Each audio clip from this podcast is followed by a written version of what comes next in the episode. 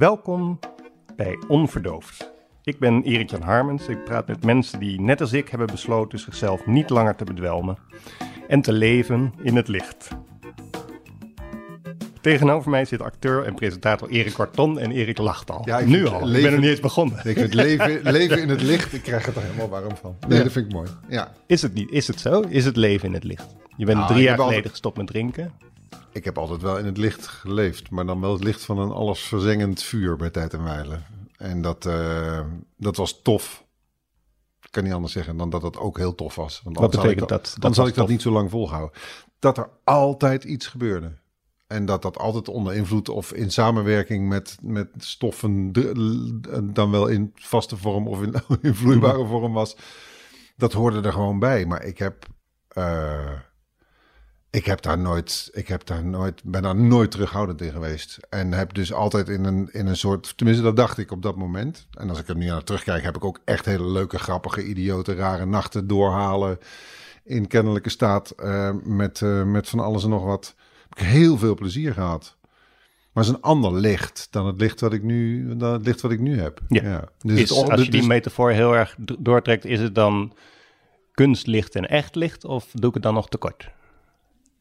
Ehm, nou, nee, de- ik zou het misschien niet, niet zo willen omschrijven, omdat dat, dat zou eh, hetgeen wat ik daarvoor gedaan heb, heb eh, disqualificeren Ja. tot iets wat niet echt was. Nee. En dat was het ook voor een deel niet, maar het was het op dat moment wel. En ik ben er altijd van overtuigd dat je je realiteit kunt maken en die op dat moment zo echt mogelijk voor jezelf kunt laten zijn, zonder dat die misschien echt hoeft te zijn. Dus dat was ook een daadwerkelijke realiteit. Dus het was ook echt licht, maar het was. ehm, ik noem dit, nou laat ik zeggen, hoe ik dat andere dan wil kwalificeren, dat weet ik niet. Of dat, maar dit is wat ik nu voel, is ochtendlicht. Het is een helder, fris, nieuw, wakker eh, ochtendlicht. Dat is wat het is. En dat klinkt heel, eh, heel newborn Christian, maar dat, maar dat is het niet. Maar het is, wel, het is wel echt iets nieuws wat ik daarvoor dik 25 jaar niet, niet gevoeld heb. Nee. nee. Je zei even terloops vaste en vloeibare vorm. Vaste vorm zijn drugs en vloeibare vorm is drank. drank, ja. Ja. ja. Ja, En sigaretten hebben we dan ook nog, maar dat hangt er een beetje tussenin. Ja, dat hangt dat is, gaat van vast naar gas. daar ben je ook mee gestopt. Ja, al, eh, al langer. Nee. Dat is al eh, is bijna 16 jaar geleden. Maar ik rookte ook. De, de, de- het, het toverwoord in alles wat ik doe is mateloos. Dus ook daarin. Ik rookte twee pakjes per dag. Ja. Eh, en daarvan wist ik op een gegeven moment, als ik hiermee doorga, dan. Ik ben nu 50, maar dan Mhm. had ik echt mijn eerste bypass, eh, denk ik, al wel eh, Ja. gehad. eh. Ja. Dus dat, dat was de eerste wat ik eruit heb gekwakt. Deze podcast heet Onverdoofd. Ja. Als we het tegenovergestelde verdoofd er even bij halen, kan je nog herinneren, Erik, wanneer je jezelf voor het eerst werkelijk verdoofde? Ja, ik heb erover na zitten denken, omdat ik weet dat de, dat de podcast zo heet. En natuurlijk verdoofde ik mezelf wel, maar ik vind jezelf verdoven ehm, altijd klinken alsof er een soort van, alsof dat nodig is, omdat je anders pijn voelt. Hm. Want verdoven doe je om pijn te onderdrukken of, of dingen niet te voelen of niet te. En ik ben in aanloop naar waar ik nu ben heel erg op zoek gegaan naar waarom ik die dingen heb gedaan. Hm. En ik kan in ieder geval tot één conclusie komen, en dat is dat ik geen pijn heb. En ook nooit heb gehad. Ik heb geen. Hoe bedoel je, ik heb geen pijn? Nee, ja, ik heb geen pijn vanuit een, het idee dat ik iets moet verdoven of moet onderdrukken in mezelf, omdat dat een periode of een gevoel is of een, of een staat van zijn is waar ik niet, eh, waar ik ongelukkig van werd, laat ik het zo zeggen. Het was bij mij voor een heel groot deel pure verveling. En daaruit denken, nou, het gaat allemaal hartstikke goed. Het gaat zeer voorspoedig. Kijken of het stuk kan. Dat was het eigenlijk. En dus het, het is wel een verdoven, maar niet vanuit het onderdrukken van iets waar ik niet aan wilde denken of wat dan. Het is meer een soort van. Ik denk, ja, als dit het is, dan. eh, dus ik moet even een beetje. Er moet even gas gegeven worden. Er moet Maar in die zin kwam er dus ook niet, bij. er kwam ook niet iets los toen je onverdoofd was in die Nee. zin. Want je onderdrukte immers niks. Nee, want ik ben nu ook onverdoofd. Ja. En ik heb geen. Ik heb niet dat ik opeens moeilijke gesprekken met mijn ouders moet hebben. Ja. Of met oude klasgenoten of mijn vrouw of, of de Ja. kinderen. Dat, nee, dat niet. Ik heb, ik heb een, een hoop gesprekken gevoerd met mijn vrouw en kinderen. Ja. Eh, maar die was, dat, dat, dat had, een andere, had een andere insteek. Niet, niet om, om, om, eh, om, omdat ik opeens wel pijn heb. Omdat, het, omdat, het, omdat de verdoving weg is. Maar ik snap de, de, de tekst, het verdoven, want dat is het natuurlijk. Mm. Je, zorgt ervoor dat je in een andere staat van realiteit terechtkomt. Ja. Ehm, en dat is een verdoving. En het zijn verdovende middelen. En drank verdooft ook Ja. aan alle kanten. Ehm, en vanuit dat, wat ik, wat ik net schetste, dat gevoel van... Nou, als dit het nou is, dan moeten we een beetje een tandje bij eh, schakelen. Dus dan ging ik die dingen doen. En wanneer Kijk. was dat? Was dat eh, nou, dat eh, begon eigenlijk wel op mijn vijftiende, zestiende dus een beetje. Dan begon ik te drinken. hmm. En dat was toen ook wel een stuk normaler dan dat het nu is. Niet dat het mocht volgens mij, maar je werd er niet voor aangehouden of, eh, Hm. of je kreeg er geen boete voor. En ik hoefde ook niet de hele dag met een paspoort op zak of een identiteitskaart Nee. op zak te lopen. Dat bestond niet. Nee. Ehm, dus ja, op, op feestjes van de, van de voetbalclub en eh, dan stond je op je 15e, 16e gewoon bier te hijsen. Ja. Nou, dat was prima. Ja. Dus dat was het, het liquide deel, zou ik maar zeggen. Eh, de vaste vorm kwam voor mij toen ik ehm, op mijn 22e, 21e of 22e naar Argentinië ging. Ik had een serie gedaan in Barcelona en vanuit daar werd ik uit- serie? een voetbalserie, een voetbalserie over de eerste FC Barcelona eh, als acteur. Ik speelde daar eh, de Nederlandse verdediger in in die, Van, die dat serie- was een televisieserie. televisieserie Ja, voor ITV en eh TV Spanje. Een buitenlandse productie. Nou, dat was bizar. Want ik zat daar in een hotel met een eigen trailer en weet ik veel. En ik was 21. Ik dacht alleen maar, fuck yeah. Hm. Dus daar was het al een beetje dat ik eh, voor het eerst eens mensen dingen in hun neus zag stoppen. Dat ik dacht, hm, wat is dat dan? Maar daar nog niet geprobeerd. En toen kwam ik thuis en toen werd ik uitgenodigd door een van de jongens die, die, productie, eh, die in die productie zat. Van, wil je, me, vind je, zou het leuk vinden om met mij, dat is een Argentijn, met mij naar Argentinië te gaan? Dan draaien we daar een film, want hij moest daar een film draaien. Dan, Ik heb een rol voor je, heel klein, maar dan ga je naar Argentinië. Ik wil je zo graag dat land laten zien. Dus ik ben meegegaan. En daar kwam ik in, in een groep mensen terecht waar het echt in een... eh, ik heb hier nu een, een boek in een normaal boekformaat in mijn hand, zou ik maar zeggen. Mhm. Maar daar stonden doosjes op tafel van twee keer een boekformaat. En dat Mhm. zat gewoon vol met kook. En als het leeg was, dan stond het de volgende dag stond het er weer. Eh, en daar, daar deed iedereen vanaf het ontbijt. Werden daar lepels uitgehaald en was het gewoon boem op. En iedereen snatste de hele dag gewoon door. En toen ik daarna zeven maanden weer terugkwam. Toen had ik een probleem. Ja. Want toen dacht ik, oh, dat ga ik hier ook doen. En dat... eh, Want dat wat voel je toen je... nou, nam? ik voelde wel iets anders dan wat ik er ooit hiervan gevoeld heb, moet ik eerlijk zeggen. Want dat was wel ander spul. Ah, sterker. Nou, heel, eigenlijk heel sterker, maar, maar zachter in zijn uitwerking. Oh ja, oké. Hier, hier is het heel vaak versneden met een hoop speed en narigheid, waardoor je een soort dat krijgt en de neiging Mhm. krijgt om heel veel te zuipen. Hmm. En daar was het alsof iemand, als je moe was, je een hand over je bol aaide en zei: Nee, joh, je bent helemaal niet moe. Mhm. Dan dacht ik: Oh ja, Hmm. oh, gaat eigenlijk wel weer. Ja. En zo Ja. kon je gewoon door en door en door en door. Ja. Eh, dus dat was anders toen ik hier kwam. Maar wat ik zeg, ik had toen wel een probleem. Want ik vond het te leuk, te lekker. En dat heeft, eh, dat heeft lang geduurd. Want wat was je probleem? Dat ik het, als ik iets leuk vind, dan wil ik daar, wat ik zeg mateloos, dan wil ik daar meer van. Eh, en dus ik heb af en aan over een periode van dik 20 jaar mijn momenten gehad dat het heel ernstig uit de hand liep. En dat, het, dat ik dan dacht, dat kan niet. Kan niet, kon financieel ook niet. Dus dan stopte ik er weer een tijdje Ah, ja, het is mee. heel duur, ja. Ja, dus Ja. dan leende ik wat. Of Ja. eh, dan, Mm. dan, dan loop je alleen maar te bietsen bij, mensen. Ja. Ja. echt. Ja. Als je erover nadenkt. Maar goed, dat, dat moet ik nu, want ik zit met jou hier erover Ja. te praten. Ehm, maar dat, dat was het probleem, ja. Dat ik er gewoon niet vanaf kon blijven. En ja, kijk, je zegt van het is een soort verveling van eh, met de vraag daaraan gekoppeld: kan, eh, het gaat goed, kan ik het kapot maken? Ja, Waar komt die vraag vandaan? omdat het... ehm, ja, dat is een hele psychologisch hoor. Daar heb ik ook wel veel over nagedacht. Omdat er in mijn leven niet zo heel veel ehm narigheid voorkwam. Het ging eigenlijk allemaal best prima. Ik zal niet zeggen dat ik met een zilveren lepel in mijn hol Hmm. geboren ben, maar het ging eigenlijk best wel allemaal vrij makkelijk. Ehm, en dat is heerlijk. Maar dat is ook zo verwend dat Hmm. je... Ja, dan kun je denken, dan ga ik mezelf maar eens uitdagen. Maar dat deed ik, want ik deed 400 verschillende dingen. Dat doe ik nog steeds. Nou, het zijn er inmiddels 150, maar, eh, maar toen deed ik echt alles tegelijkertijd. En dit, ah, dan gaan we dat doen. Oh ja, kan mij het schelen. Ik heb altijd het, het, het Pipi Langkous adagium. eh, Ik heb het nog nooit gedaan, dus ik denk dat ik dat wel kan in mijn hoofd gaan. Dus dat heb ik ook altijd zo gedaan. Dus acteren, radio maken, alles. Alles, Ja. ja. Bowlingkampioen, eh, g- graszaad, eh, on- ontwikkelaar. Nou, nee, dat heb ik allemaal niet gedaan, maar bij wijze van spreken. Oh, ik denk Als al. ik dacht van, oh, dat is ook een leuk, dat is ook een leuk beroep, ging dat doen. Nee, maar snap je, dat was vrij achterloos en los en, en zonder, eh, zonder richting. En dan lukte het meeste ook. Ja. ja.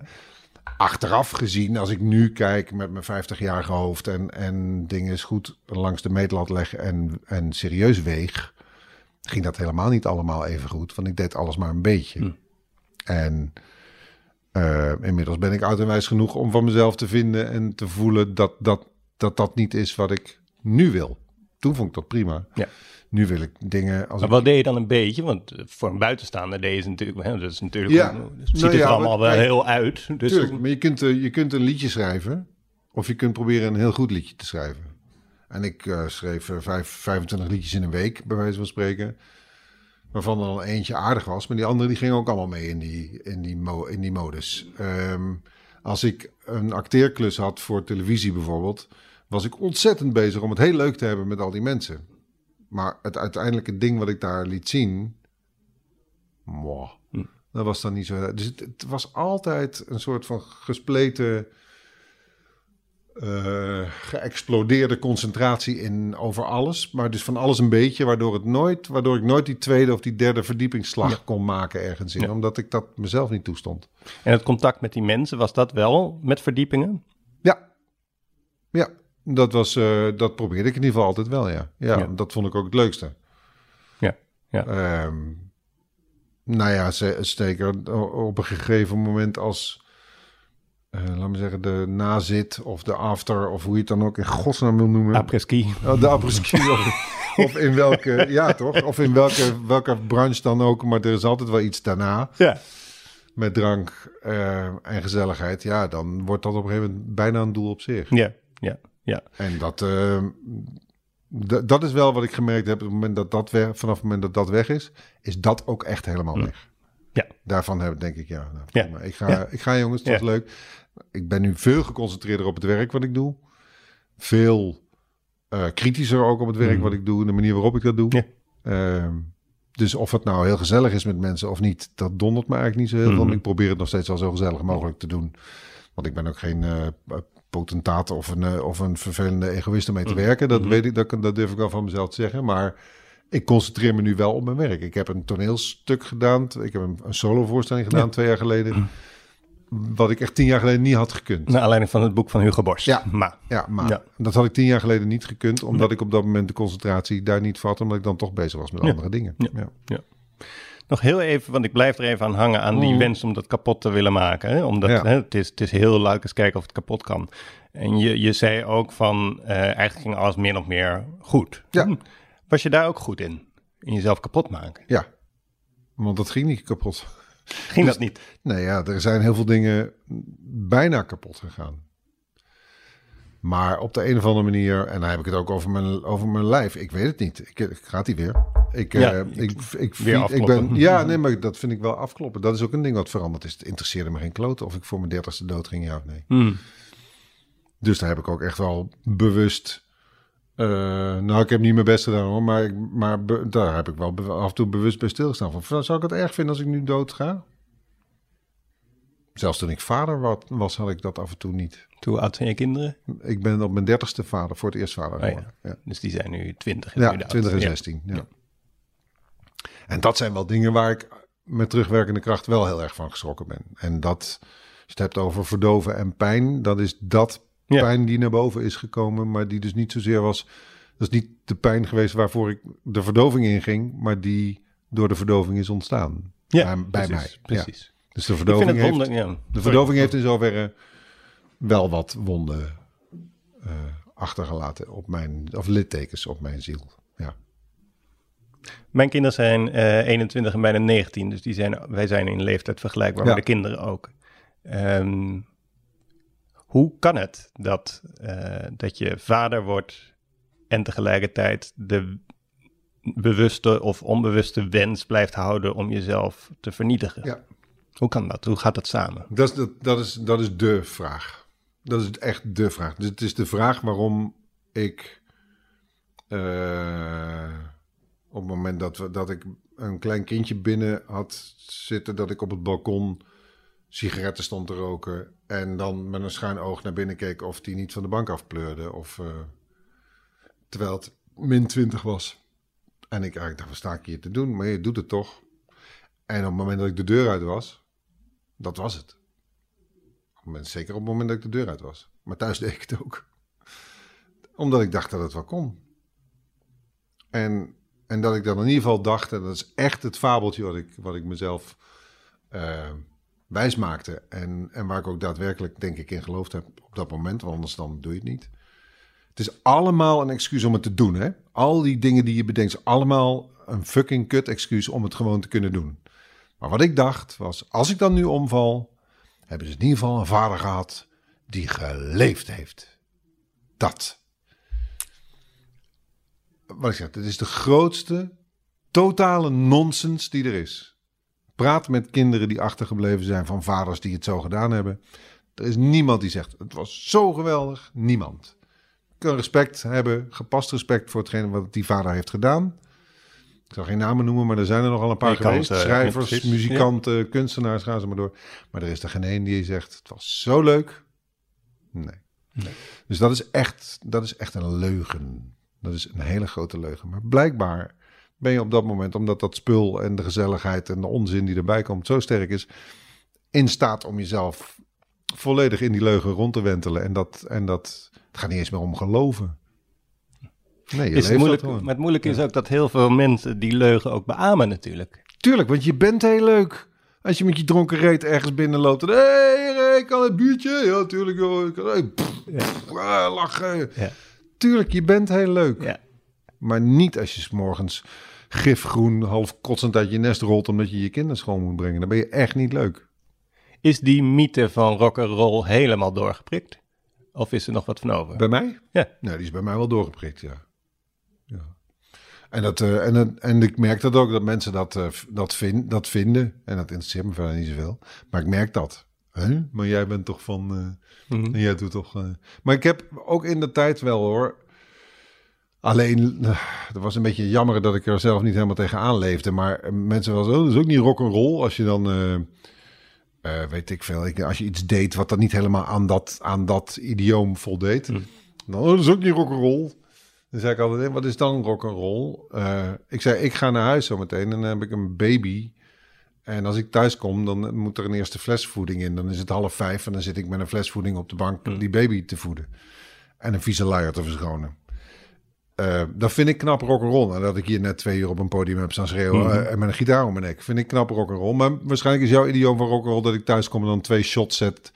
Me- Mevrouw een, eh, een, een veeg geeft de muur onder kots en voor de rest als scheidt het in mijn broek mijn bed in rol. Dat, als dat rock'n'roll is, dan, is dat, dan hoeft dat voor mij niet. Ja. Dat je mensen al helemaal kijken, oh, doe je zo lullig. Nee, maar ja. En uiteindelijk denk ik, ja, ik zei dat toen. Maar ik zat wel gewoon. Ik bedoel, ik heb, ik heb nooit, dat is een ding, ik heb nooit gereden met alcohol op. Dat nooit. Ja, één keer met één glas. En toen voelde ik me zo schuldig. Hmm. Maar dat had ik mezelf voorgenomen. Rijden en alcohol nooit. Nou, Oké. dat heb ik ook nooit gedaan. Nee. Maar doop.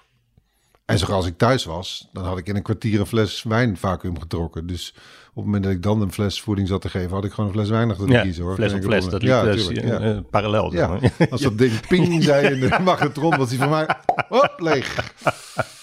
Ja, Ja, dus ja. dat, de, weet je, de, dus het is ook dat is een, ook dat is een leugen. Je, kunt, je leert jezelf zo goed voordoen, ook de leugentjes over de hoeveelheid die je drinkt of Ja. weet ik veel. En soms ook gewoon, dat was wel grappig, want dat realiseerde ik me laatst ook. Ik ga nu de laatste paar jaar naar Pinkpop, neem ik mijn dochter mee, zit in een hotel en wij zaten, Pinkpop was altijd fucking baganaal. Dat was Mhm. altijd op het festivalterrein, daarna naar het hotel in het centrum van Heerlen. Ja. Daar, en dat ging tot zes, zeven uur s morgens met drank en drugs en toestanden en, en, en lawaai en rondrennende mensen en, en bier uit een trompet in de, nou ja, toestanden, bitterballen tegen het plafond. Ik blijf even hangen aan bier uit een trompet, maar ga maar Ja, ga gerust door. Nou, Daar hing een, ja, hing een, trompet, een schuiftrombone aan de muur in die hal van het hotel. En er was altijd, ieder jaar was de truc, die mensen van het hotel, die hadden, die hadden besloten, er zit hier de rest van het jaar zit niemand. In dit weekend trekken we de, onze volledige jaaromzet Mm. binnen, dus ze mogen alles doen. Dus die trompet kwam, dan- of die, die schuiftrombone kwam dan van de muur, die werd volgeladen met bier. En dan was het de truc wie daar het verste mee kon blazen. Dat soort achterlijke, kinderlijke... En dan de volgende ochtend Maar is dat achterlijk en kinderlijk? Want er zit ook een soort van ja, heroïek in, in zo'n verhaal. Nou ja, daar wou ik, daar wou ik eigenlijk naartoe. Want de, de, eh, het is natuurlijk achterlijk kinderlijk gedoe. Maar de volgende ochtend, ehm, daar zit hem de heroïek in. Is wie zit er het brakst aan het...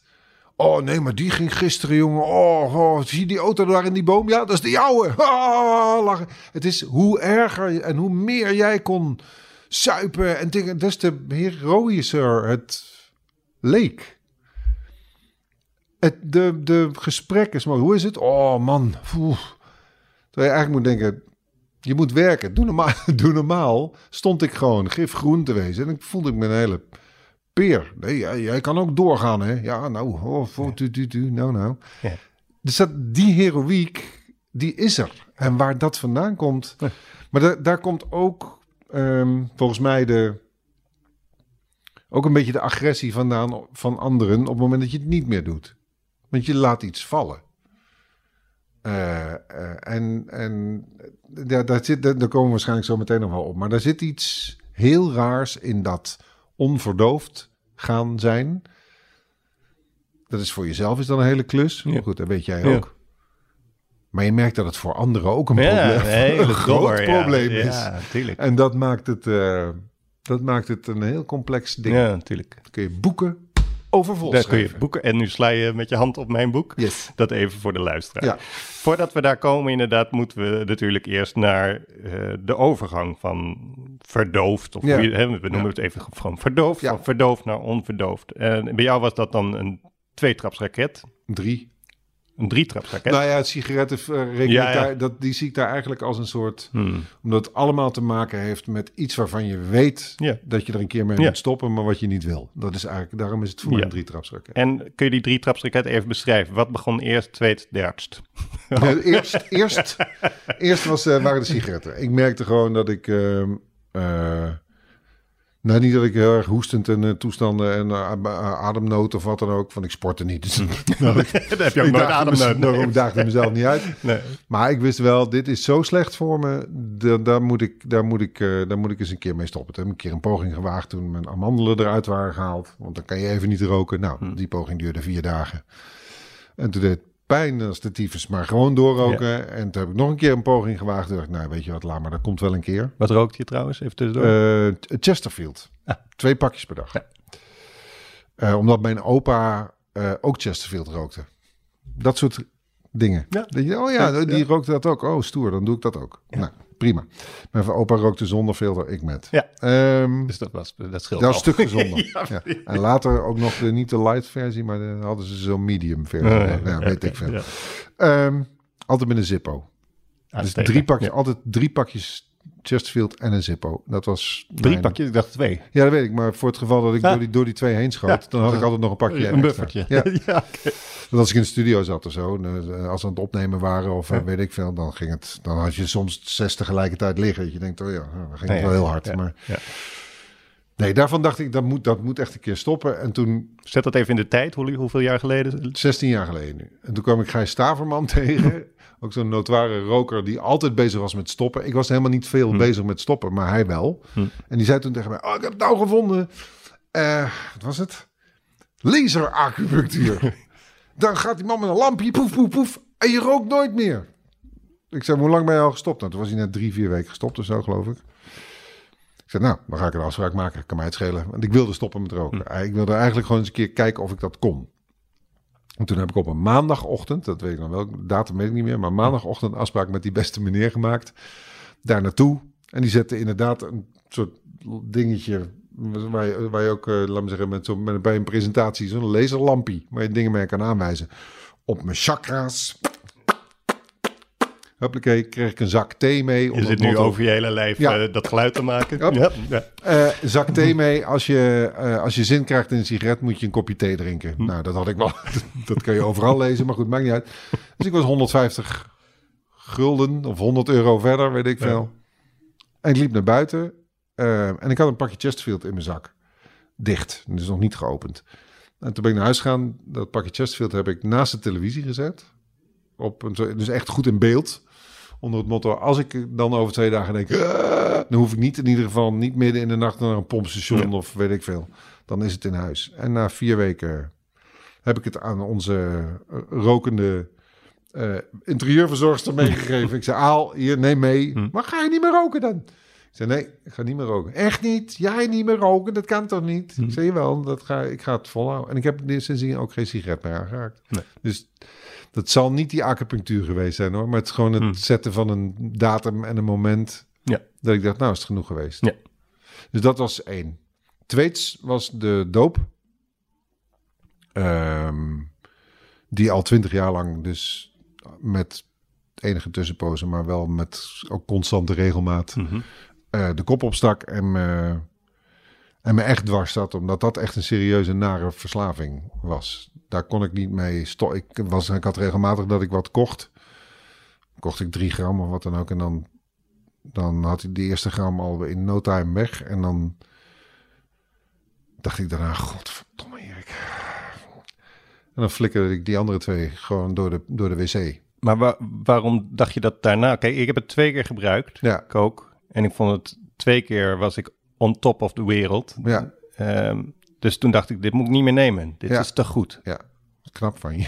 Nee, maar ja, het is gewoon een soort bijna nuchtere Ja, dat heb- analyse. dat heb ik dacht, met- dit dat- is, dit heb is ik ook wel paradijs. gehad met dingen die ik heb gebruikt. Dat ik dacht, dat moet ik niet meer doen. Eigenlijk was ik de persoon die ik wilde zijn. Ja, Maar ik dacht, dat kan, niet, dat kan Nee, zo niet. nee, Nee, Bovendien ben ik bang voor dealers. Ik vind dat een beetje, een beetje Nou, shady. ja, ik vond het spelletje heel leuk. Oh ja, oké. Het spelletje vond ik misschien zelfs nog wel de, de, de, de jacht vond ik eigenlijk nog wel leuker dan Ja. de catch Ja, eigenlijk. ja, Ja, ja, ja. Nee, Maar- dat was maar- het ook maar- een beetje. De, de- het, het nemen zelf vond je altijd fijn? Nee, Oh, nee.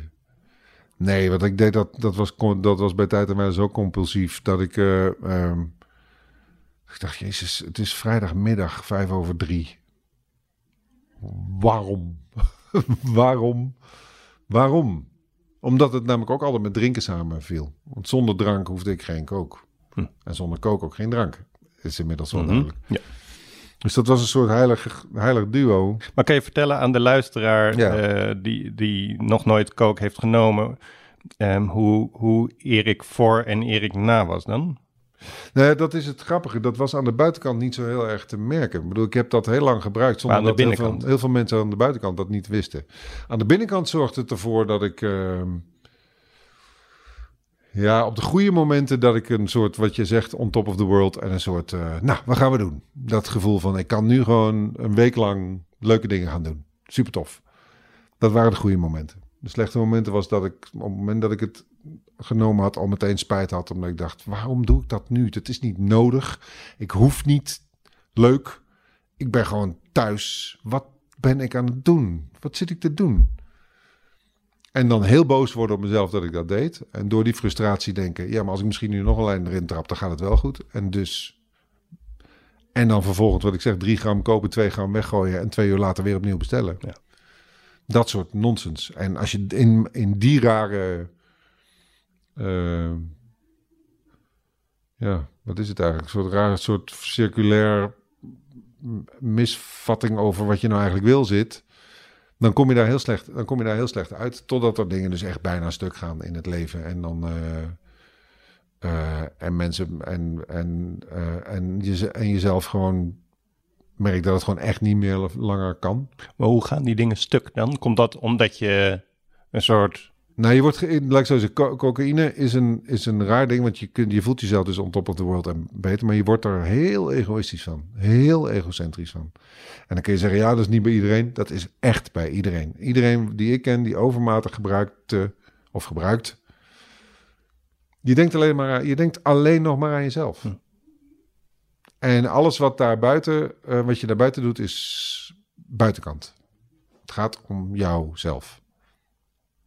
En dat het maakt het een. Eh, dat maakt het echt een levensgevaarlijke druk. Vooral ook omdat je namelijk erg bij de tijd blijft. Hè? Dus je bent. Je zit echt on top of the game. Bam, bam, bam, bam, bam. Scherp, pats. Hoppakee. Als je heroïne neemt, dan klap je even een tijdje in elkaar. Ben je. Mhm. En dan kom je er wel weer uit. En dan prima uit. Dat verdooft echt. Cocaïne zorgt voor een soort verhelderde staat van zijn. Zeker als het dan ook nog met die kleren zo met speed doorsnee is. Dan mhm. krijg je helemaal een soort en dan word je heel ruksigloos vervelend van. Eh, en wat ik zeg, je denkt alleen nog maar aan jezelf. En je gaat dus elke keer over grenzen heen, die van jezelf. Maar dus twee keer zo hard ook over de grenzen van anderen. En dan gaan er dingen stuk. Ja. Zou jij dan ook hier anders hebben gezeten? Ik bedoel, de het onderwerp van de podcast hè, is evident. Hadden we natuurlijk Ja. dit gesprek niet kunnen voeren. Maar stel, dit ging over filatelie. En we, wa- we waren er allebei door gepassioneerd.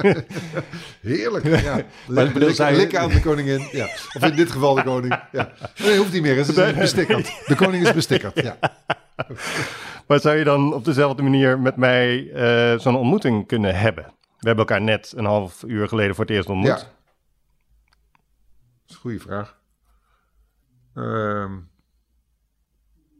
met dan een ander onderwerp. Hè? Dus Ja, dan ja, ja, de ja. filatelie. of, Nou, eh, niet filatelie, maar laten we zeggen muziek. Hè? Iets wat we allebei leuk vinden. Ja. Ehm, jawel, ik denk het wel. Want ik kom wel... Het heeft wel zo lang... Ik heb het... Ik kon er wel mee functioneren. Dat is het rare Hm. ervan. Ehm, op momenten dat het moest. Hè? Dus ik kon er ook mee werken. Ik heb eh, heel lang vanuit de Smet... Hm. eh, Club 3 of 12 gedaan op woensdagavond. Altijd. Op 3FM. Ja, Ja. altijd. Daar was ik altijd. En ik dronk bier. En ik was eh, altijd ja, op een incidenteel ongelukje na, zou ik maar Mm. zeggen, dat je net even een biertje te Ja. veel drinkt. Maar voor de rest was ik daar altijd onder invloed. Altijd. Ja. Dus Maar, je zegt, daar- maar je zegt het maakt egoïstisch. Dus Ja. hoe kan je dan, als je mensen interviewt, bandjes interviewt... Ja, maar dat, is, dat is anders. Dat is gewoon dat, is- dat is je, dat is je, je werk. Ik Jawel, meer- maar je moet wel een soort oprechte interesse hebben Ja, in iemand, zeker. Maar die had ik ook wel. Maar je wordt egoïstisch in het kiezen. Dat, zijn niet, dat, zijn niet, dat is niet het egoïsme. Het egoïsme waar het hem in zit, is dat je eerder voor jezelf kiest. dan om bijvoorbeeld thuis te zijn. Of Hm. te denken. Ja, weet je, eh, of ik nou om tien uur er ben of om half één. s'avonds. Of eh, terwijl er dus thuis iemand denkt. Oh, misschien we om tien uur nog even een afleveringetje van dit kunnen kijken. Snap je? Dat, Het zit hem in dat soort dingen. Het zit. Ja. hem in toch nog da- op dat moment naar Paradiso moeten. Waarom? Nou, dat, die dingen, dat die, die het dus voor jezelf kiezen. Hm. Nee, in interviews, bijvoorbeeld empathisch vermogen, dat gaat dat, in een, om met iemand een gesprek te voeren, dat was het, proble- dat was het Nee. probleem niet. Kun je wel een goede vader zijn met, eh, met, met, als je drugs gebruikt? Eh, ten dele. Ten dele. En het, het- dat is iets waar ik me dus heel erg, dat, dat is wat ik zeg, in, in de onverdoofde status. ehm naar, op zoek, naar op zoek moest voor Hmm. mezelf. Bij mijn kinderen heb ik daar steken laten vallen. En heb ik daar dusdanige steken laten vallen. En ben ik daar op een dusdanige manier voor jullie geweest dat het niet leuk was. En dat is gelukkig niet zo. Alleen, komt hij weer. De rukzichtloze keuze om er te zijn op de leuke momenten is er ook één. Op het moment dat de niet leuke dingen, die deed ik niet. Mhm. Snap je? Zoals Dus- wat? Nou, zwemles, Oh ja. eh, al dat soort, dat, soort, dat soort dingen die Ja. er heel erg bij horen. En dat, ja, dat, die deed ik dan niet. Want dat, was, dat, deed mijn, dat deed mijn vrouw dan. Ja. En dat, ja, dat zijn dingen waar we achteraf, en wij zijn daar gelukkig heel erg eh, eh, uitge- uitgekomen. Hmm. En daar zijn, er ligt geen resentment of wat dan ook meer. Maar dat zijn, wel, dat zijn wel de dingen waar het hem in zit. Hmm. Dus, de, al die, die, dus ik was er op de leuke momenten. Dus tuurlijk was ik een leuke vader. Ja. Ja. Ja. Ehm, want de momenten dat ik niet leuk was, die speelden zich op andere momenten af. Of als ze er niet waren, of s'avonds, of weet ik veel. Ja. Je vertelde bij het stoppen met roken, hè, de eerste trap van de drie trappen. Ja. Stop met roken, pak je Chesterfield naast het beeldscherm van de televisie. Zodat Ja. het, hè, na vier weken gaf je het mee aan je interieurverzorgster. Ja. Toen was je gestopt met roken. Daar ga ik er maar even vanuit dat je daarna niet meer heel vaak hebt getaald naar die sigaret. Ja, dat heeft een jaar geduurd Ja, voordat, ik, voordat ik het echt, laat me zeggen, ik, ik, droomde, ik droomde nog, toen ik naar Paradiso ging, had ik daar ge- gedronken. En dan mocht je in Paradiso ook nog gewoon roken. Dus Mm. Iedereen stond te roken en ik had dan gedronken. En dan kwam ik thuis en dan, ging, dan was ik een beetje lam en dan ging ik Mm. naar bed.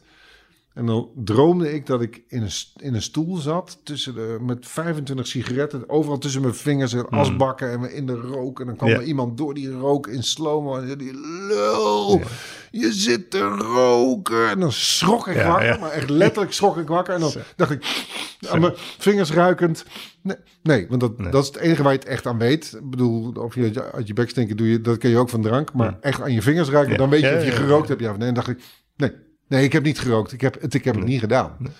Maar dat, hè, dus dat soort rare dromen over, dat heeft een jaar geduurd. En daarna was het ook echt weg. En ik heb er daarna ook echt niet meer naar getaald. Nee. En hoe zat het dan bij de doop? Nou, dat is lastig. Dat, dus daar heb ik ook Wat gebeurt er als je daarmee stopt? Ehm, nou, in het, geval, in het geval van cocaïne heb je lichamelijk niet zo heel veel. eh, behalve dat mijn neus stuk was altijd, altijd chronisch. Dus ik was altijd chronisch, zat ik dicht. Holteontsteking of dat soort dingen? Nou ja, je, je Verstopte neus gewoon. Ja, verstopte neus altijd. Dus ik gebruikte ook eh, eh, neusdruppels daarnaast. Waar ik vervolgens nog anderhalf jaar mee bezig ben geweest. Nadat ik, om daar weer vanaf te komen. Ja, het is echt verschrikkelijk. Nee, ja, nee, Want dat is een ding namelijk. Als je dat niet gebruikt, die neusdruppels, dan zit je neus dicht. En ik ben licht claustrofobisch aangelegd. En het is heel raar, maar een dichte neus of dichte oren hebben alles met claustrofobie te maken. Dus als ik een dicht, dichte neus had, kon ik niet slapen. Dus Maar je moest ook nog afkicken van neusspray. Ja, en dat heb ik ook. Dat is ook een soort cold turkey van tien dagen niet. En heel langzaam gaat dus tien dagen kut slapen. En heel langzaam herstelt dan je slijmvlies zich en raakt het gewend aan dat het niet continu met xylometazoline Dat heb je geoefend. ingespoten wordt. Ja, nou ja, ik wist ook precies wat, ik- wat ik moest hebben. In het buitenland is het dus heel lastig om neusdruppels te krijgen om precies te weten welke je Ja. moet hebben. Nou ja, dat, dat soort rare dingen. Ehm, dus het was eerst die, die kook, die, nou ja, dat, dat gevoel van, van, van in je lijf, dat is te verwaarlozen. Maar de grip die het heeft op je, op je brein en op, nou ja, wat ik zeg, drank en, en kook had voor mij alles met elkaar te maken. Dus, dus één glas alcohol ging nog, maar bij glas twee, dan Mhm. had ik de telefoon bij wijze van spreken al alweer in mijn hand. Mhm. Dus wat ik daarin moest doen om daarvan af te komen, is dat ik allereerst alle dealers uit mijn telefoon heb verwijderd. Maar je hebt altijd nog backups ergens Mhm. online of in een cloud of op een kaartje of wat dan ook. Dus dat gaat in eerste instantie al een keer mis. Want het is, een, is niet in één keer goed gegaan dit. Nee. Nee. Dus dat gaat mis. Ehm, dan heb je vervolgens denk je, nou, weet je wat, dan laat die dealer er dan maar in staan. Volgende ronde, dealers eruit. Ehm, maar die hebben ook jouw telefoonnummer. Dus één keer in de zoveel tijd, rond de kerst bijvoorbeeld. Of als er weer een... eh, dit, eh, Jan en Jopie hebben een nieuw nummer. Poing, ligt er weer zo'n nummer in Ja. je box. Ja. Dan denk je, ja, Ja. Ja. Nou. ja. dat toch maar even doen. Heb ik echt gedaan. Nou, en zo gaat het dus een aantal malen mis. Vervolgens dus nog een keer alle nummers van alle dealers eruit. Maar dan vervolgens, want die, doe, die deed ik dus ook. Mensen die ik goed kende, die waarvan ik wist dat ze nummers hadden. Die ook gewoon, Mm. hey, eh, heb je een nummer Ja. van... Ja, tuurlijk, bom, Ja. had je hem Ja. meer. Dus ik ben ook al die mensen uit mijn telefoon gaan wissen. En daar zaten mensen bij die ik echt heel leuk en heel lief en heel aardig vond. Hm. Dus ik denk dat ik een, een ring van twee à drie mensen uit mijn telefoon heb geflikkerd. Onder het motto, dan kan ik die ook niet meer vragen om een eventueel nummer van. Plekken gemeden waar ik mensen tegen zou komen die... Nou, en dat duurde denk ik een half jaar. En toen dacht ik, oké, volgens, begin ik- volgens mij begin ik nu te komen. Want dat, dat, dat, die sms'jes stopten ook. Dan begin ik nu te komen waar ik wil zijn. En, eh, en te- dat is ook het punt geweest dat ik het daarna ook gewoon nooit meer, aan, nooit meer heb aangeraakt. Nee. Maar met coke ben je on top of the world. Ja. Ben je dan zonder coke eh, at the bottom of the world? Mm, nee. Nee, want het was altijd nog de, dra altijd nog de drank. Ja, dat ben je toen nog wel. Daar was je toen. Ja, dat had je wel. Ja, ja, maar dat maakte het dus wel lastig. Want als, ik, als ik een keer dus echt... eh, eh, en ik kan, en kon heel goed drinken. Mhm. Dus elke keer als ik... Als ik Wat net- was je lievelingsdrankje? Wijn. Oh ja. Ja. ja. Ik ben geen, niet per se een bierdrinker. Ja, in de kroeg wel. Ja, ja, ja. Maar thuis is het Ja, vast altijd wijn. ja. En het liefst mm, zo makkelijk mogelijk doordrinkende wijn. Dus Mhm. een witte of een rosé. Ja. De rode wijn na drie glazen denk je, nou... Ja. oh. Ja. Dus dat. En dan kon ik gewoon... eh, nou ja. Maar dat deed je dus toen nog wel. Ja, en dat maakte het extra lastig, want, dat, want na het glas 2 was er toch altijd nog wel de impuls om Ja. even wat te doen. En dat, dat heb, die heb ik daadwerkelijk moeten onderdrukken, zou ik maar zeggen. Maar je zat niet on bottom of the world door het verlies van de Nee. kook. Nee, ook omdat ik op het moment dat ik besloot om daarmee te stoppen ook wel had gezien wat, dat, wat het aan, aan egoïstisch om me heen, eh, om me heen leven had opgeleverd. En daar was ik niet gelukkig mee. Dus dat, dat had ook een echte daadwerkelijke noodzaak. Ja. En wanneer voelde je de noodzaak om dan ook nog de drank, de derde trap van deze raket? Al 15 jaar. Omdat ik eigenlijk al 15 jaar heb geweten dat dat de basis is van al die andere dingen. Altijd geweest. Alles wat er in mijn leven eh, mateloos geworden is, heeft altijd dat als oorzaak gehad. En weet, dat weet ik nu. En dat is ook helemaal niet erg, maar het is een wetenschap. Maar daardoor moest het wel stoppen. Daardoor heeft het ook zo lang geduurd. Omdat het namelijk de basis was van, van wat ik lekker vond. Dat is niet zo lang geleden, dat is drie jaar geleden. Nee, de, de, eh, 1 september drie jaar geleden, ja. Je weet de datum. Ja, want het was na de Ja, ik vakantie heb dat, ja, ik heb na de vakantie. Ik, heb, ik weet het omdat ik heel duidelijk heb gezegd... ik ga stoppen met drinken. Ik ga stoppen, radicaal stoppen met drinken. Thuis. En dat werd eh, eh, gelukkig door mijn liefste met groot applaus onthaald. Eh, Toen zei ze, wanneer ga je dat doen dan? Ik zei, nou, ik had dat besloten in april of zo. Mei, weet ik veel. Ik zei, nou, niet nu nog, want wij gaan zo meteen naar Frankrijk met Hmm. hè, vakantie. Daar wil ik nog gewoon wijn drinken. Dus als we terugkomen, we kwamen, weet ik veel, 26 augustus terug. 1 september, Hmm. dat is de datum. Nou, die zomer heb ik ook inderdaad eh, Frankrijk eh, nog van de wijnplas eh, ontdaan. zal, ik, zal, ik, maar- zal ik maar zeggen. Nou ja, echt. Maar weet je, als je het hebt over... Ik kon, ik, en dat, dat was daar ook, we hadden mensen over in het huisje waar wij zaten. Ik trek gewoon in 19 minuten een fles rosé vacuüm. Gewoon boem. Alsof je een kan water of limonade leeg drinkt. En dan was het, nou, Ja. en in de volgende fles. Dat, dat, de, en- Maar ging je nog extra, omdat je wist dat je zou stoppen? nou, ik weet niet of het extra, want dit, dat Hm. was toen al wel aardig eh, Hm. op een soort co- constante die, die vrij hoog lag. Maar de Ja. extra kon, je eigenlijk, kon eigenlijk niet, behalve dan word je er ziek van. En ik werd er niet ziek van. Nee. Dat was ook het moment wat ik nooit wilde bereiken. Ben je eigenlijk alleen gestopt? Ja, dat is grappig. Want ik, dat was wel het plan om, dat- om dat alleen te doen. Maar Diana, mijn vrouw, is dus eigenlijk in die... Die dronk sowieso al niet veel, hoor. Mhm. En roken ook niet. En drugs al helemaal niet. Eh, maar die is heel langzaam in, de, in, in dat ding meegegaan en drinkt eigenlijk ook niet meer. Maar ik bedoelde, eigenlijk ben je alleen gestopt in de zin van zonder hulp. Ja, Want je beschrijft het. ja zo. Ja, ja, ja, ik bedoel, ja. voor mij was stoppen met drinken zo groot. eh, en ik was wel eens eh, een half jaar gestopt. Ja. Maar dat was dan eigenlijk vijf maanden en een week, hè? afgerond een half Ja, jaar. ja, ja, ja. En toen daarna weer zoveel gaan drinken. Ja. Dat ik dacht, dit is een olietanker. Ja, maar dat heb ik Dat kan nooit in ook. eentje. Nee, maar ik, dat is het grappige van, is dat voor de hoeveelheid die ik rookte, voor de hoeveelheid drugs die ik heb gebruikt en voor de hoeveelheid drank die ik tot mij nam, als ik daar met mensen over praat, zeggen de meeste mensen, maar dat kan je toch niet alleen? Maar blijkbaar zit er dus in mij eh, iets wat dat dus wel kan. Ja. Ehm, als ik, en dat is grappig, want mijn vader zegt dat altijd, als ik ergens mee wil stoppen, stop ik er gewoon mee. Hmm. En dat heb ik altijd in mijn hoofd gehouden. En op het moment, maar dan moet het ook wel echt klaar zijn. Snap je? Op het moment dat er ook maar een- nog een sprankje is wat zegt... Nee, maar het is eigenlijk heel goed voor je. Heel goed voor je. Of voor het leven. Dan lukt het ook niet. Maar op het moment dat het echt klaar is... Dan kan ik dat dus blijkbaar. Dan kan ik dat dus blijkbaar. En hoe wist je op dat moment dat het echt klaar was? Ja, dat kan ik niet zeggen. Dat, dat, kan ik, dat weet ik niet. Dat is, een, dat is het moment wat dan gewoon zegt: oké, nu stoppen. Maar zeker met die drank. Hè? Ik bedoel, dat roken, dat, nou ja, dat was een ding wat, waarvan ik dacht: het is ook smerig en het, alles stinkt en weet ik veel. Dat, is een- dat heeft een duidelijke oorzaak en een, ge- een gevolgding. Eh, longkanker, daar, daar ben ik al vanaf mijn kleins af aan. Ja. En ik, heb de, ik Mhm. stond met mijn moeder in de, in de badkamer uit te blaffen. Mam, weet je wel dat je er longkanker van Mhm. krijgt? En twee Ja. jaar later was ik zelf aan het roken. Ja. Dat soort dingen. Weet je, dat, dat, Ehm, nou, die doop waren de effecten gewoon zo heftig dat ik dacht, ja, dit, is, moet, dit moet nu echt stoppen, want anders gaan er dingen serieus mis.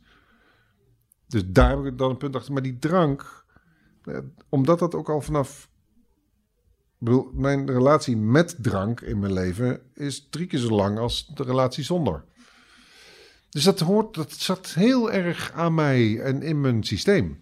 Dus voordat je daarvan voelt van, hé, nu moet ik daarmee stoppen.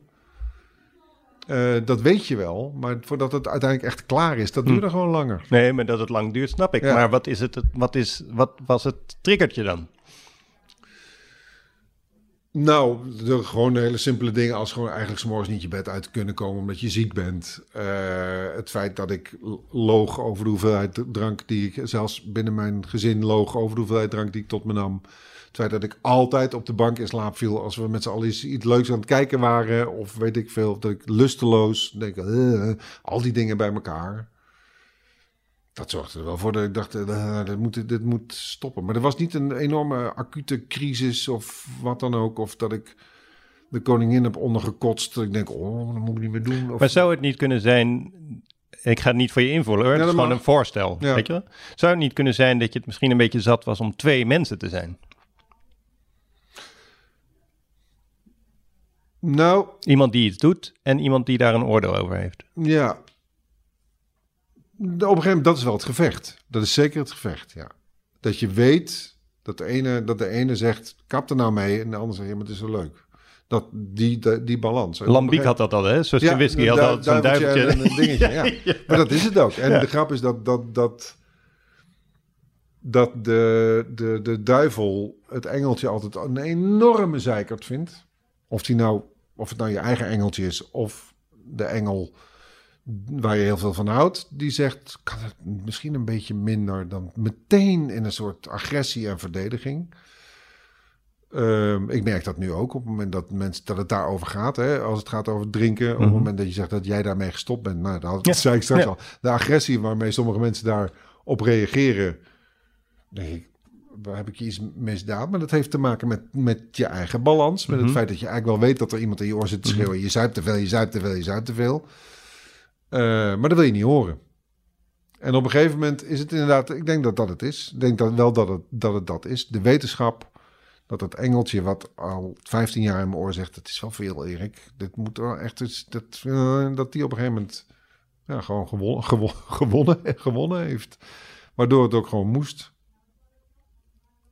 Maakt het niet makkelijk trouwens, want het is best wel, eh, best wel een ding. Vertel. Nou ja. Eh, als het, ik dronk iedere dag. En ik heb me ook wel voorgenomen, ah, alleen in het weekend. Maar ja, waarom? Mijn weekenden begonnen ook soms op eh, de dinsdag. Dinsdag, Ja, lang weekend. Toch? Ja, of, eh, en Ja. dan, dan is een keer een dag niet. En dan dacht ik, oh ja, drink twee dagen in de week niet. En dan dacht ik, na, als ik dan de tweede dag in mijn weldrinkperiode zat, dacht ik, waarom drink ik eigenlijk twee dagen niet? Ik bedoel, wie heeft daar wat aan? Hm. Dus dat soort, dat soort rare dingetjes. En ik merk gewoon dat het voor mij, nou ja, dat gold dus ook bij het roken en bij dat, en bij dat andere, gewoon niet doen. Gewoon 100% niet doen. Dat klinkt het, klinkt het moeilijkst, maar is uiteindelijk voor mij het makkelijkst. Mhm. En er is echt maar één ding.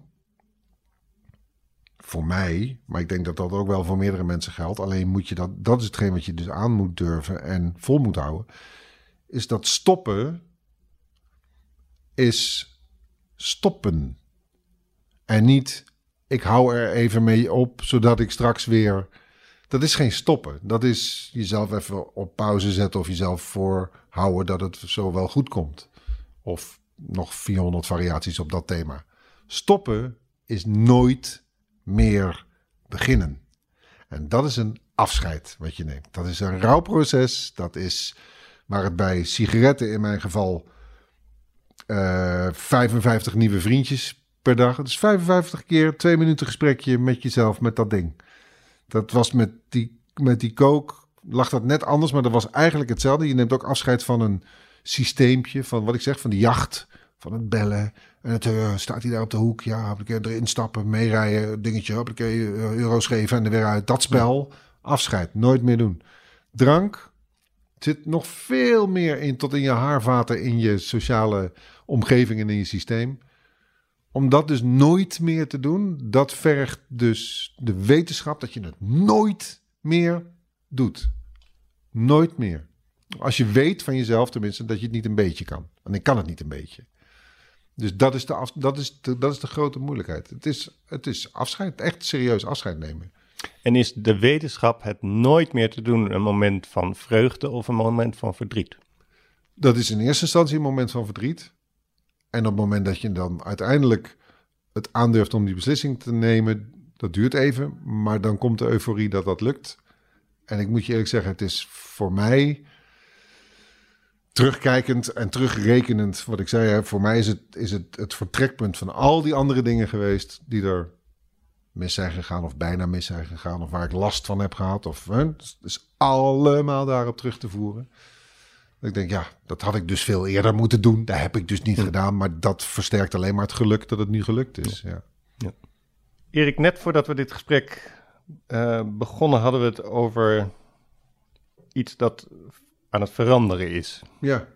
En dan hebben we het over hoe er uh, aan wordt gekeken tegen alcohol en niet meer drinken. Ja.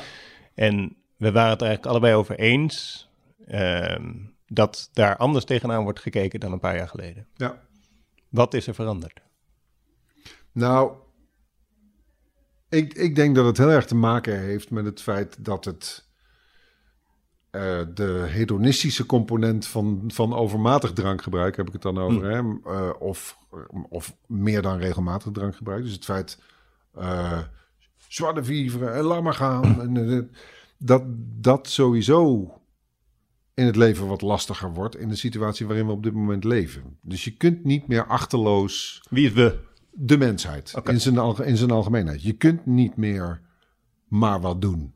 Je kunt niet meer alles maar gewoon doen, omdat we leven op een planeet waar heel veel mensen wonen, waar je nogal, die nogal onder druk staat op allerlei manieren. En of je het daar nou mee eens bent of niet, het is wel iets wat je dagelijks meekrijgt.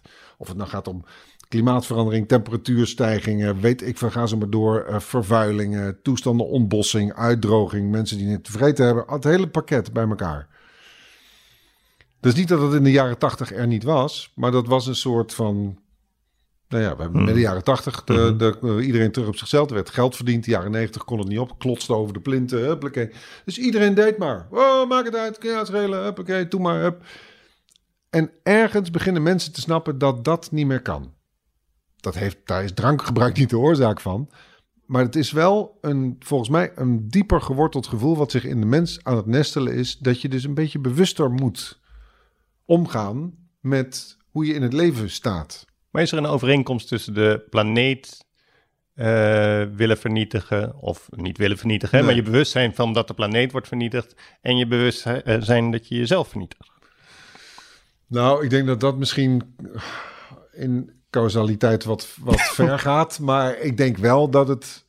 Ik denk wel dat het zo is dat op het moment dat jij bewuster leeft en, en bewuster omgaat met. Nou, laten we, laten we, welke van de twee dan ook het vertrekpunt is. Ik merk dat ik vanaf het moment dat ik bewuster met mijn eigen lijf, mijn gezondheid, mijn directe leefomgeving ben omgaan gaan. Is dat Nederlands? Ja, om ben gaan gaan. Nu wel. nu wel.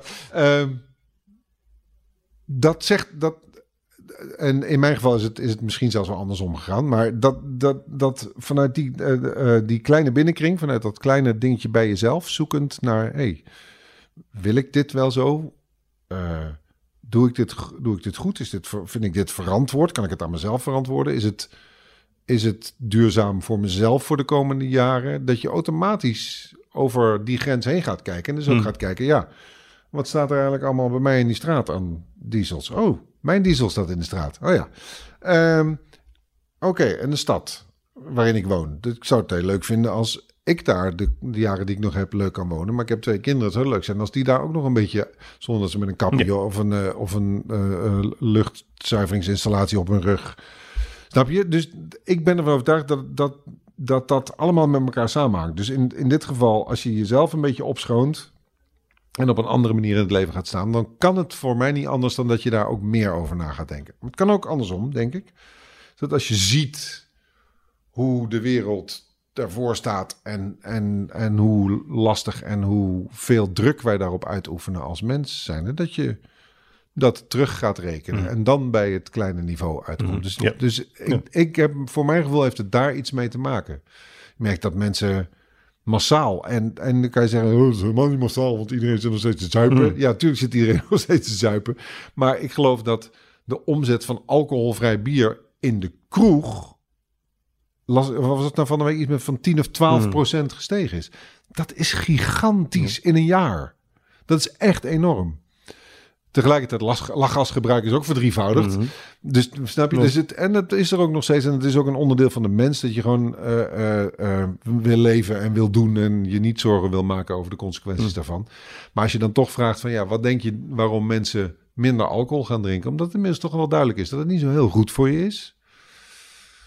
Sterker nog, dat uit onderzoeken blijkt dat het echt heel slecht voor je is. Eh, en dat je jezelf en je lijf daar dus geweld mee aandoet. Nou ja, als je dat in het, in het licht plaatst van al die andere ontwikkelingen die er zijn, ik denk dat dat zeker een samenhang heeft. Niet misschien zo kausaal als één op één, maar dan toch één op drie. Zoals mijn vroegere auto's. één op drie. Dat waren Amerikaanse Zeker. sleeën. Zeker. Slotvraag, Erik. Ehm, want wat ik zelf zes jaar nadat ik gestopt ben met drinken nog wel eens lastig vind. Je bent nu zes jaar? Ja. Zo, zo. En niet meer drinken. Ik, ik, ik zou echt liegen als ik zou zeggen dat ik het alleen maar makkelijk vond. Nog steeds? Ja, nog steeds. Ja. Wat ik moeilijk vind, af en toe, maar af en toe is eigenlijk een understatement.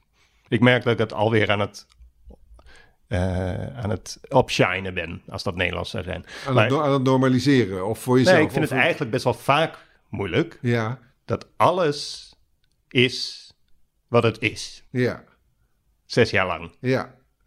Nou heb ik ook een beetje een apart hoofd. Dus, eh, Je, bedoelt, je bedoelt dat het, on, dat het onverdoofde jou de, de harde realiteit van het Ja. de alledaagse leven laat zien, Nou ja. waar je niet altijd onverdeeld En we hadden het over die twee mensen. Hè? De mens Ja. die, die, die doet en de mens die oordeelt. Ja, Maar ik had ook de mens die ik eh, eigenlijk was, maar ook die buitenmens. En Ja. die was eigenlijk best heel shinend. Ja. Dat was, eh, ik Ja. was dan eh, iets minder rock and roll, maar dan wel literatuur. En, we- dus dat was nogal een mannetje. Toffe gozer. Echt een hele toffe gozer. Daar kon je echt mee lachen. Die, de- die stond gewoon met de auto voor en dan gingen we, laten we naar Brussel gaan. En dan reden we ook werkelijk de facto naar Brussel. lam? Of, Nou, daar pas, ja. Ja, nee, we gingen niet lam rijden naar Nee, Brussel, maar daar gingen we wel echt lam. Mijn vraag is eigenlijk gewoon, deel je dat? Hè? Ja. En, en zeg dan niet meteen, nee, alles is goed. Hè? Nee, ben je ook niet de type ik, voor? Nee, ik zeg ja, want ik deel het heel erg. Alleen, Want er is die euforie, hè? Die, Ja. die, je, je ziet er ook fantastisch uit eh, Nee, in alle dat, bescheidenheid. ik- daarom- maar dat kan ik je dus ook uitleggen. Ehm, ik deel dat. Want er zijn een aantal dingen, best wel veel dingen, helemaal niet leuk meer. Echt niet. Ik vind naar een concert gaan. De Lowlands, aankomend weekend. Ik heb tien jaar lang op Lowlands rondgestampt. Super tof, te gek gaaf. En, eh, nachtenlang doorgetrokken. Eh, net dat verhaal wat je net vertelde ook over Ja, Pinkpop ja. was Lowlands precies hetzelfde. Ik heb er geen zin meer in. En dat heeft echt daarmee te maken. ik had het toen ik vanaf, vanaf het Crossing Border Festival in Ja. Den Haag naar mijn hotelkamer liep. En ik liep langs het, echt letterlijk langs het café waar de afterparty Ja. was. En ik zag werkelijk waar, dus echt door het glas, alle schrijvers en muzikanten in een soort polonaise. Nou, dat is dan iets geromantiseerd. Dat was geen polonaise, maar de rest is Ja. waar. Ik Ja. zag gewoon Ja, die... Maar de grap is, dat is wel een verschil. Als ik nu ook naar jou kijk, zie ik dat jij dat, dat, jij dat zeker op dat moment, maar dat dat nog iets is waar, waar je, waar je dat- dat- de moment dat, dat die andere jongen nog in je leven is. Ja. Ik ben zoiets raars gaan doen. Ik ben gaan fietsen. En dan kun je zeggen, dat is helemaal niet raar, want dat doet eh, het grootste deel van Nederland. Tuurlijk. Maar ik ben dus inderdaad als 50-jarige in spandex op een racefiets gaan zitten. Strakke broek. Met een strakke broek en alles erop en eraan. Omdat ik vond dat ik wat moest gaan doen. Omdat ik mezelf ook wilde afleiden van dat gevoel van dat stoppen. Het is eigenlijk een ander, heeft eigenlijk een andere oorzaak gehad. Dat was dat ik ziek werd nadat ik uit Afrika terugkwam. En, of nou, eh, niet Afrika is geen land, maar uit Malawi terugkwam. Eh, en daar eh, ehm, eh, TBC had opgelopen. Dus ik moest aan hele zware medicijnen. En daar kreeg ik, als ik dat had genomen, 's morgens een half uur jeuk van. En daarna kreeg ik een soort chemische vermoeidheid. Toen dacht ik, ja, ik kan mezelf dan maar beter gewoon echt moe maken. Dus toen ben ik gaan fietsen. Maar dat was allemaal marginaal. Maar toen ik stopte met drinken, heb ik dat eigenlijk meteen op dezelfde mateloze achterlijke manier als dat ik al die andere dingen deed, naar een hoger niveau getild. En daar is een soort van gezellige prestatiedrang in ontstaan. Die ervoor zorgt dat ik het ook echt niet erg vind om, dat, om die andere dingen te laten. Omdat ik weet dat als ik dat doe, dat ik, dat ik dit niet meer kan. Dus dat is een hele praktische manier van mezelf uitdagen om, om daarvan weg te blijven. En is het een afleidingsmanoeuvre? Nee, het is geen afleidingsmanoeuvre. Want, want als dat zo zou zijn, dan, dan zou ik nog steeds heel graag willen drinken. En ik merk dat dat weg is. Ik kan nu naar een boekenbal of weet ik veel gaan. Uh, en dan ben ik daar en dan heb ik het leuk. Maar tot op het moment dat de rest in de olie raakt, en dan ga ik naar huis. Als ik een feestje heb. Ik ook. En dan Ja. staat de auto om de hoek. In mijn geval. Ja. ik moet dan... Maar het is niet 100% Leuk. euforie. Nee, Nee. het is niet 100% leuk. Het is aan de ene kant leuk. Nee, maar heb, je dan niet iets gevonden waar je die 100% Ja, in mijn geval euforie- hardlopen. de- hè, maar goed, Ja, tuurlijk. ja, alleen het is anders. Ja. En dat is wat ik, wat ik, waar ik een hele scherpe eh, zaagsnede maak, is dat ik dat dus niet erg meer vind. En in het begin heb ik dat heel hard tegen mezelf geroepen, want terwijl ik het verschrikkelijk vond, dat ik die feestjes en dat soort dingen niet leuk meer vond, vond ik echt kut. Want ik ging ook niet meer. Totdat mijn liefste zei, ja maar Eer, kom op, je moet wel gewoon gaan. Je hebt een opening of een, of een première of weet ik wat. Ga nou gewoon. En dan vind je ergens wel een manier om dat ook leuk te vinden. Weliswaar op een andere manier. Ja, daar heeft ze volkomen gelijk in gehad. Want ik ga. En meestal is het, zit het leuke moment nu voorafgaand. En dan is het ding. En daarna ben ik toedeloe. En mensen weten dat inmiddels ook. Mensen zeiken ook niet meer aan je hoofd. Nou joh, doe nou, neem nou. eh, dat is klaar. Dat doen ze ook niet meer. Dus mensen weten, Erik is leuk. Vooraf, tijdens het ding, 20 minuutjes daarna. eh, Dan is hij weg. En dan zit hij de volgende ochtend op de fiets. En dat is heel bevrijdend, omdat dat, dat is eigenlijk net zo bevrijdend als dat je je weet van ik ga daarheen en ik neem van tevoren neem ik een klein nakje en drie biertjes en daarna dan tuf ik mezelf helemaal dan wil ik oh, dat. Dat is hetzelfde systeem, alleen dan helemaal anders en met een andere euforie. Die ligt niet op dat moment. Die euforie ligt de volgende ochtend om tien over zeven of om half acht als ik op die fiets zit. Ja. Dus daar heb ik wel iets in gevonden wat natuurlijk ook een verslaving en hetzelfde mateloos. En, maar dan denk ik, ja, fuck it. Ik ben 50. Ik kan echt beter dat doen dan dat ik nog eh, drie keer in de week eh, eh, heel ingewikkeld met een sms doop mijn huis in loop te slepen. Ja. En hoe vaak doe je dat? Fietsen? Fietsen?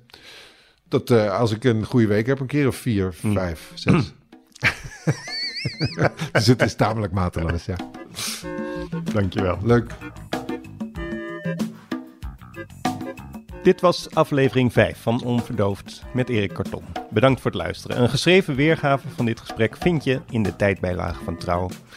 En lees je op trouw.nl slash onverdoofd. Abonneren doe je via de geëigende podcastkanalen en wil je reageren?